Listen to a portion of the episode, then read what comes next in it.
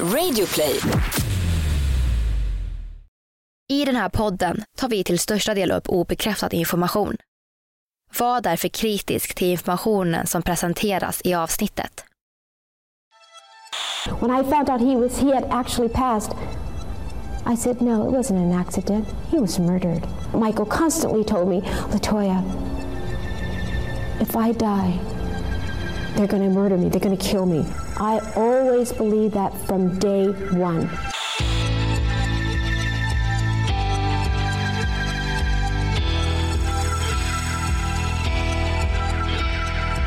Du lyssnar på konspirationsteorier. En podcast med mig Vivi. och mig, Aida. Och det här är en annan sida av historien om Michael Jackson, the king of pop.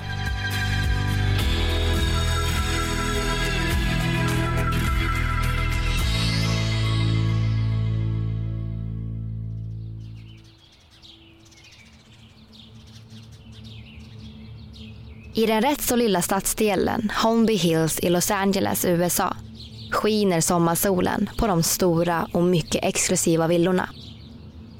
Det är den 25 juni 2009 och det är knappt en månad kvar till premiären av världsartisten Michael Jacksons mycket efterlängtade turné This is it. Fans över hela världen väntar ivrigt på popkungens konserter. Både på grund av att det var 12 år sedan han uppträdde på en soloturné och för att det tillkännagavs att detta skulle bli den sista i Michaels karriär. These will be my final show performances in London. This will be it. This is it. And when I say this is it, it really means this is it. Because um,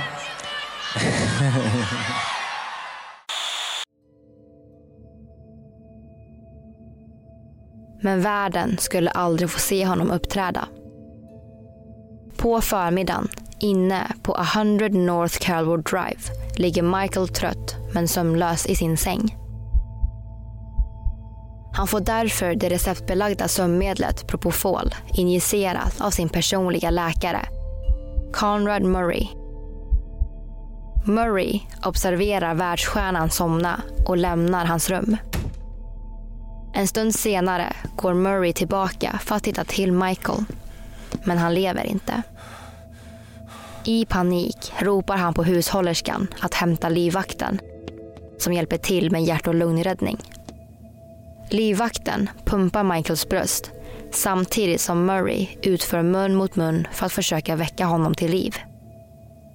Från dörren in till rummet hörs skrik. Det är Michaels barn, Prince och Paris, som kommit in för att se vad som hänt. Murray säger snabbt åt dem att lämna rummet. Sen säger han åt livvakten att gömma materialet som används vid injiceringen i sin läkarväska. De ringer larmcentralen. Michael är livlös. Fire paramedic 33, what is your emergency? Yes, sir. I need to. Uh, uh, I need an ambulance as soon as possible, sir. Uh, sir, I have. A, we have a, a gentleman here that needs help, and he's not breathing yet. He's not breathing, and we need to. We're trying to pump him, but he's not. He's not Okay. breathing, sir. Okay, how old is he? He's uh, 50 years old, sir. 50. Okay. He's unconscious. He's not breathing. Yes, he's not breathing, sir. Okay, and he's not conscious either. He's not No, he's not conscious, sir. Okay. Sjukvårdare anländer och de för in Michael i en ambulans som tar honom till Ronald Reagan UCLA Medical Center. Efter många återupplivningsförsök dödsförklaras Michael Jackson. Den 50 år gamla världsartisten och världen hamnar i chock. And we're just getting this in uh, right now, uh, and, and it's uh, very, very sad news, uh, Jim Moray, and to all of our viewers. Both the Los Angeles Times and CBS News are both now reporting that Michael Jackson has died. Omkring 1,5 år senare döms läkaren Conrad Murray till fyra års fängelse för vållande till Michaels död. Trots domen finns det fortfarande oklarheter kring vad som verkligen hände i rummet innan Michael hittades död. Och det ska vi prata om idag när vi ska diskutera en konspirationsteori om Michael Jackson som kanske blev mördad. Det här är en podcast för dig som är intresserad av en annan version av verkligheten. En version som tar upp alternativa teorier, mystiska sammanträffanden och diskussioner om vad som kan vara sant.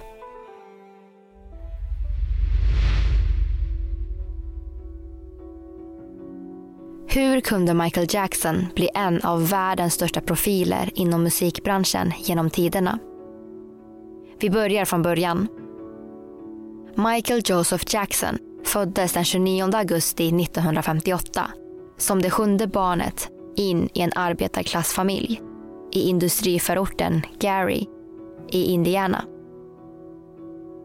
Redan vid fem års ålder visade han prov på sin musikaliska talang när han uppträdde på julkonserter. Hans föräldrar, Joseph Walter och Catherine Esther, pushade sina barn hårt för att de skulle bli framgångsrika och lät Michael redan vid sex års ålder vara med i hans äldre bröders band Jackson Brothers. De spelade på nattklubbar och talangjakter. Från att först spela tamburin och kongas gick Michael snabbt till att bli bakgrundssångare och dansare. Innan bandet år 1966 bytte namn till Jackson 5. Han blev då frontsångare. Efter bara några år blev bandet rekryterade av Motown Records vilket gjorde att familjen flyttade till Kalifornien och släppte hitlåtar i över 100 miljoner exemplar. Bland annat I want you back och ABC. Producenterna tyckte om Michael för hans sång men också för att han satt tyst när han skulle och skötte arbetet mycket professionellt.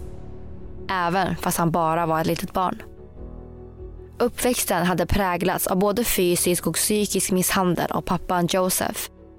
Vilket gjorde att Michael var ett tyst barn. Joseph var en tyrann som slog sina söner om de inte gjorde bra ifrån sig och lät dem inte göra något annat än att träna på sina musikaliska talanger. Michael hatade sin pappa. Men kanske var det den känslokalla påfrestningen han la på Michael som gjorde honom till den musikaliska stjärnan han blev. Vid sidan av framgångarna i Jackson 5 påbörjade Michael sin solokarriär med lyckade singlar som Got to be there och Ben för Motowns Records under början av 70-talet. Några år senare lämnade bröderna Jackson Motown Records efter sjunkande försäljningssiffror och skrev på ett nytt kontrakt med Epic Records under bandnamnet The Jacksons. Under de kommande tio åren släppte bandet sex album där Blame It On The Boogie blev en utav favoriterna bland fansen. Under denna period blev Michael Jackson också som störst och nådde förmodligen sin peak när soloalbumet Thriller släpptes 1982 med låtar som Billie Jean, Thriller och Beat It. I 37 veckor låg albumet högst på Billboard 200 och i totalt 80 veckor i sträck låg det i topp 10.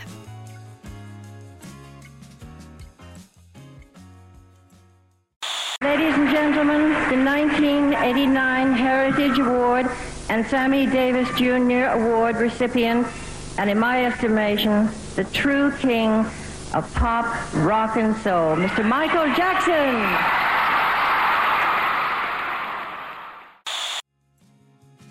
Michael lämnade sina bröder år 1984 och fortsatte sin framgångsrika karriär som soloartist. Trots att han endast hade två stycken soloturnéer spelade han på oerhört många konserter och fansen började se förändringar i hans utseende. Det började med en bruten näsa som behövde opereras och fortsatte i snabb takt till att bli fler och fler plastikkirurgiska ingrepp som förändrade hans utseende totalt. Han utvecklade också sjukdomen vitiligo som gjorde att han tappade pigment och för att täcka fläckarna använde han mycket smink. Han hade inte längre sitt vanliga utseende utan hade istället vit hy, rakt hår och en smal näsa. Michael hamnade i världens fokus. Det cirkulerade mycket historier om hans privatliv och hans utseende var ett konstant samtalsämne i media. Karriären fortsatte med fler album, fler låtar och fler konserter. Michael Jackson var utan tvekan en av världens största popartister.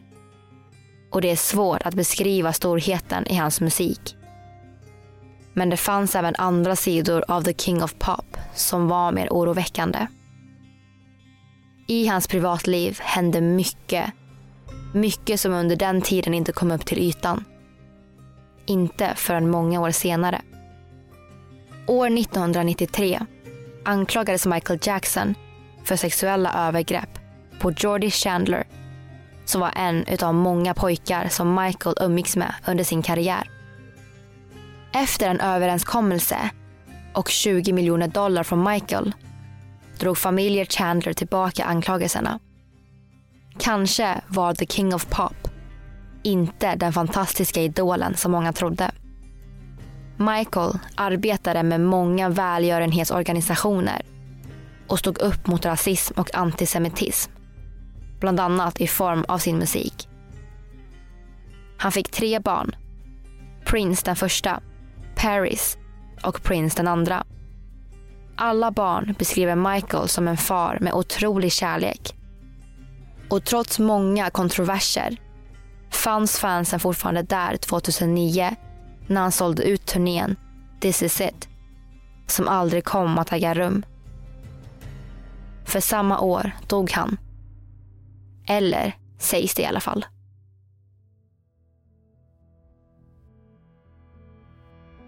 När beskedet om att Michael Jackson avlidit av en överdos började konspirationsteorierna spridas direkt. Och när domen mot privatläkaren Conrad Murray kom, kom en ny drös av teorier. Samtalet som gjordes till larmcentralen om att Michael var livlös gjordes inte förrän 90 minuter efter sömnmedlet hade getts till Michael. Murray nämnde inte heller att han gett Michael läkemedlet Propofol när ambulanspersonalen kom för att hämta honom. När begravningen kom blev konspirationsteoretikerna ännu mer fundersamma. I USA är det vanligt med en öppen kista på begravningar. Men på Michaels begravning var kistan stängd. Kanske för att The King of Pop inte låg i kistan. Kanske för att han fortfarande lever.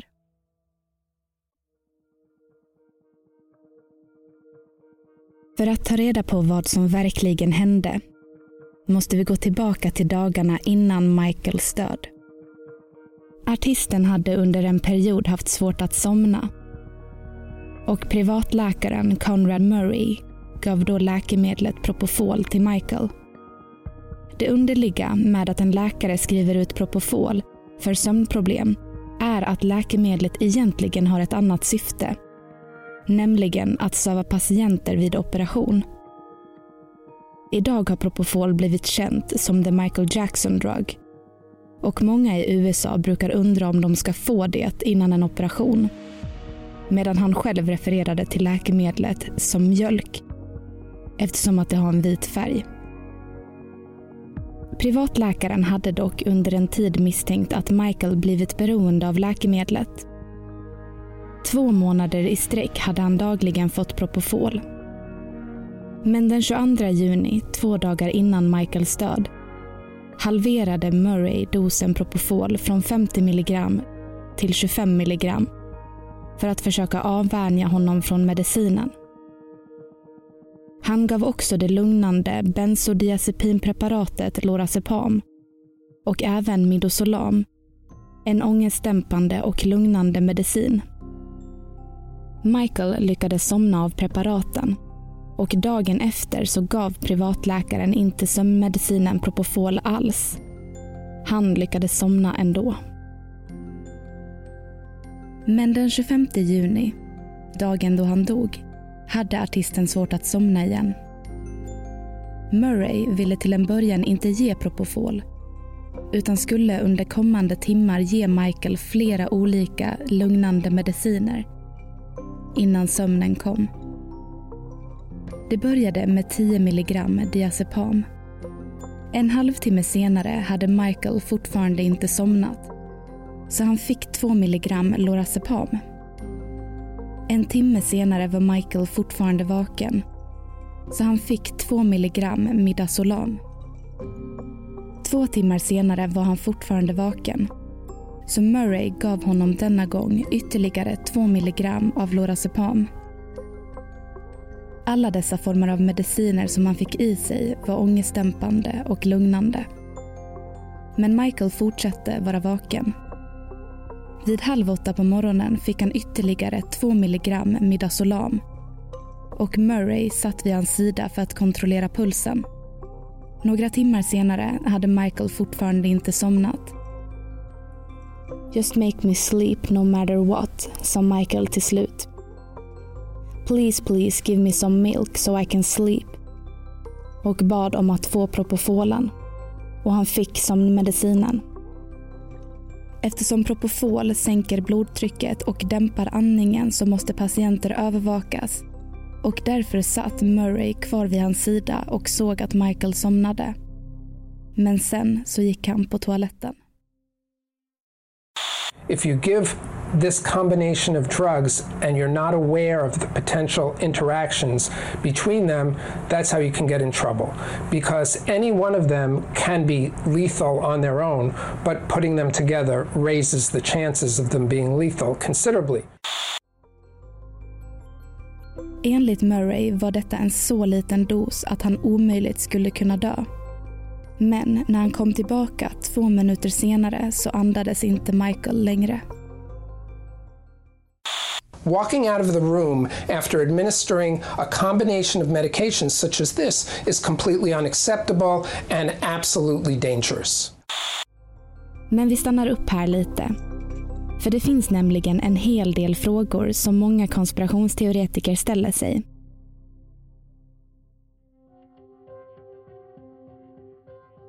Många menar att kombinationen läkemedel som privatläkaren gav till Michael måste ha varit menat för att han skulle dö. Att ge just den kombinationen av läkemedel och inte övervaka artisten riktigt är misstag som inte borde ske av läkare. Något som både läkare och konspirationsteoretiker är överens om. Så kan Conrad Murray ha ämnat att döda Michael Jackson? Och i så fall varför? Michaels dotter Paris Jackson har sagt att hon tror att hennes pappa mördades. Michael var övertygad om att någon var ute efter honom och att de någon gång skulle döda honom. Men vilka var de? Och kan Conrad Murray varit en av dem? Läkaren påbörjade hjärt och lungräddning direkt. Direkt efter Jacksons död sa han att det var omkring klockan 11 men Conrad Murrays advokat har senare sagt att det inte stämmer. Anledningen till att advokaten säger att det inte stämmer är för att det sätter Murray i en konstig sits. Mellan klockan 11.18 och 12.05 var nämligen Murray i telefon med tre olika nummer. Han pratade i telefon i ungefär 47 minuter innan de ringde ambulansen vid 20 över 12. Och vid ungefär 14.30 förklarades han död. 50 år gammal. Inledningsvis så nämnde faktiskt inte läkaren dessa samtal för polisen. Utan de fick reda på det när de gick igenom hans samtalshistorik senare. I november 2011 dömdes läkaren Conrad Murray till fyra år i fängelse för vållande till popstjärnans död. Vad ska man tro? Ville Conrad Murray att Michael skulle dö? Och i så fall, gav han en för stor dos av sömnmedlet eller en för dödlig blandning av läkemedel? Vilka var personerna i andra änden av luren? Många konspirationsteoretiker har ställt sig frågan men hamnar oftast vid motivet. Vad skulle privatläkarens motiv kunna vara?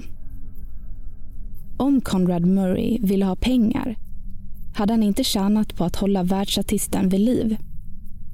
Några konspirationsteoretiker tror att Conrad Murray dödade Michael Jackson åt det hemliga ordenssällskapet Illuminati. Det sägs nämligen att Illuminati ville ha Michael Jackson ur vägen. Michael Jackson blev anklagad för sexuella övergrepp på barn. Något som Illuminati kanske inte gillade. En annan teori om Michael Jacksons död är att han faktiskt inte alls dog. Han kanske fick inspiration från exfrun Lisa Marie Presleys pappa, Elvis Presley. Elvis dog år 1977. Men många tror att han iscensatte sin död och lever vidare utanför kändisskapet. Det är välkänt att Michael Jackson hade stora skulder. Skulder som han kanske inte hade möjlighet att betala tillbaka. Enligt tidningen Telegraph uppgick de till omkring 200 miljoner pund. Vilket gör det ganska förståeligt att Michael bara skulle vilja lämna allt och starta om. Och istället för att ta ansvar så tror många konspirationsteoretiker att han iscensatte sin död och flydde. I början av 2017 så påstod David Dunn i den amerikanska skattedomstolen att Michael Jackson var nära att hamna i ekonomisk knipa och att han troligtvis lyckades hitta en väg ut. Efter hans död så ökade såklart försäljningen av hans skivor. Han hade även omkring 200 osläppta låtar. Försäljningen av det här borde ha räckt för att försörja barnen när han var borta. Bara en vecka efter hans så kallade död kom rapporter från grannar i ett litet samhälle intill sjön Doré, nära Ontario i Kanada. De ska ha vittnat att en mystisk man ska ha anlänt till en bungalow i limousin och haft med sig ett ekipage av skåpbilar. En blek medelålders man klev ut ur limousinen och eskorterades in till huset av tre män som ska ha sett ut som livvakter. Mannen som påstås heta Alan Pontiflex ska inte ha synts till sedan dess. Men mystiska händelser ska ha fått folket att undra vem han var.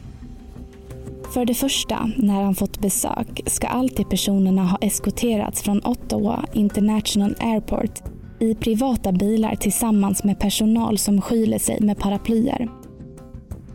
För det andra ska många leveranser och paket till hushållet ha kommit från företag som säljer teatersmink och kostymer.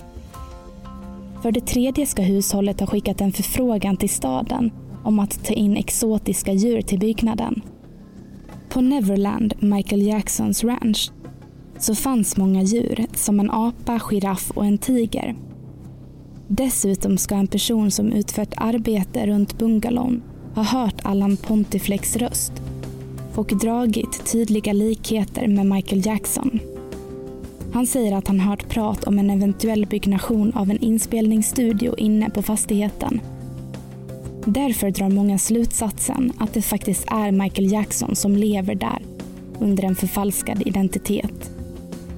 Det finns ytterligare hundratals personer som påstås ha sett Michael Jackson på olika ställen i världen med solglasögon och tyger som skyler ansiktet och ofta tillsammans med livvakter. Det lustiga är att serien The Simpsons faktiskt har förutspått att Michael Jackson skulle iscensätta sin död.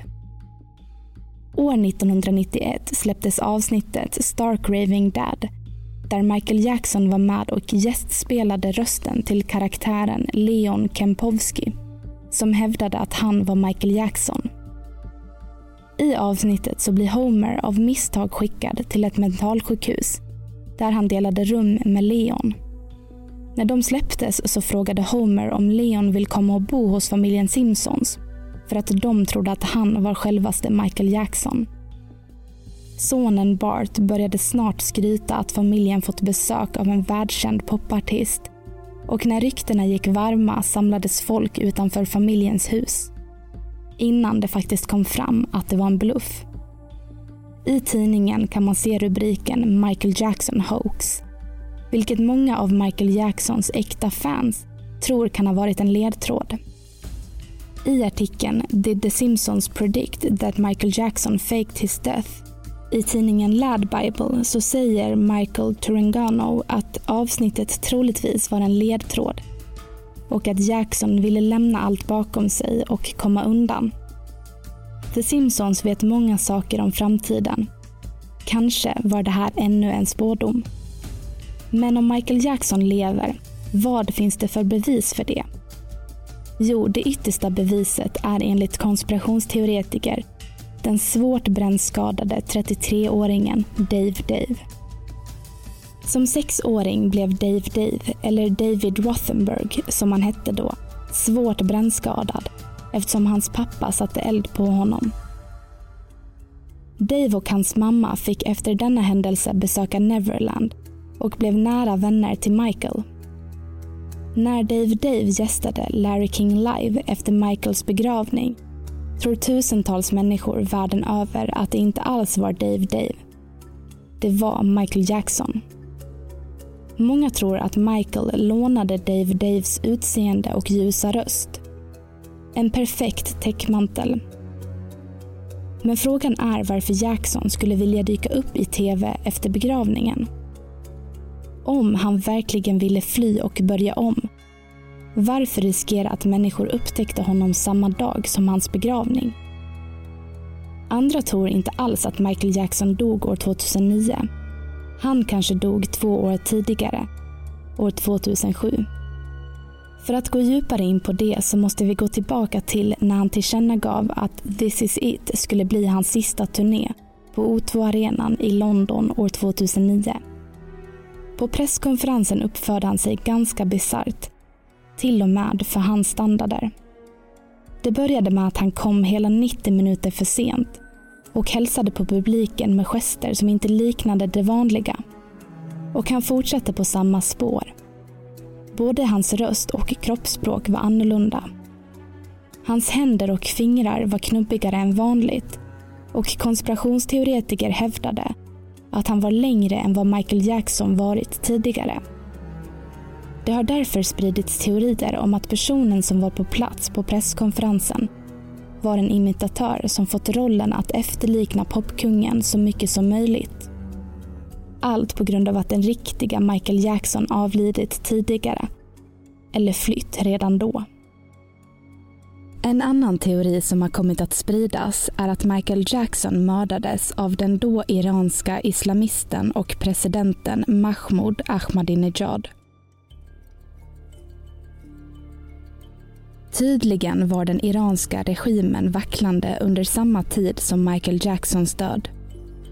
Det senaste omvalet i landet hade fått nedslag och det väcktes protester och uppror i väst. Det ville såklart inte presidenten, som förmodligen ville behålla styret över landet.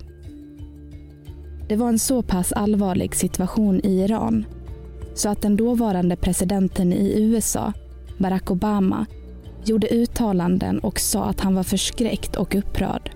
Alla i världen pratade om protesterna i Iran och krisen i landet. Men när Michael Jackson dog hade media fått ett nytt fokus. Hans död tog allmänheten med storm.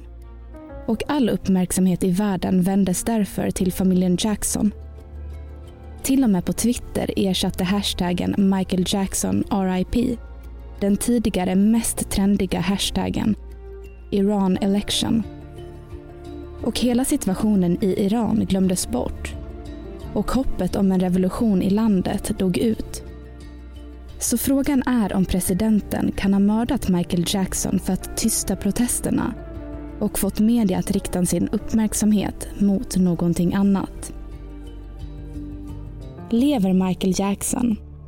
Eller dog han av en överdos sommaren 2009? Vad tror du?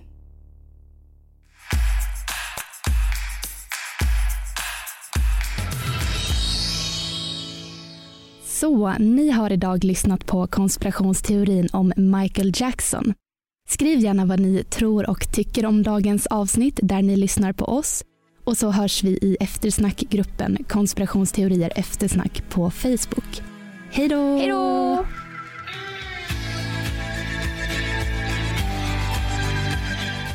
Du har lyssnat på podden Konspirationsteorier som gjordes vintern 2020. Vi som har gjort programmet heter Vivian Lee och Aida Engvall. Manusförfattare till dagens avsnitt är Eddie Englid och källorna till dagens avsnitt finns på Facebook.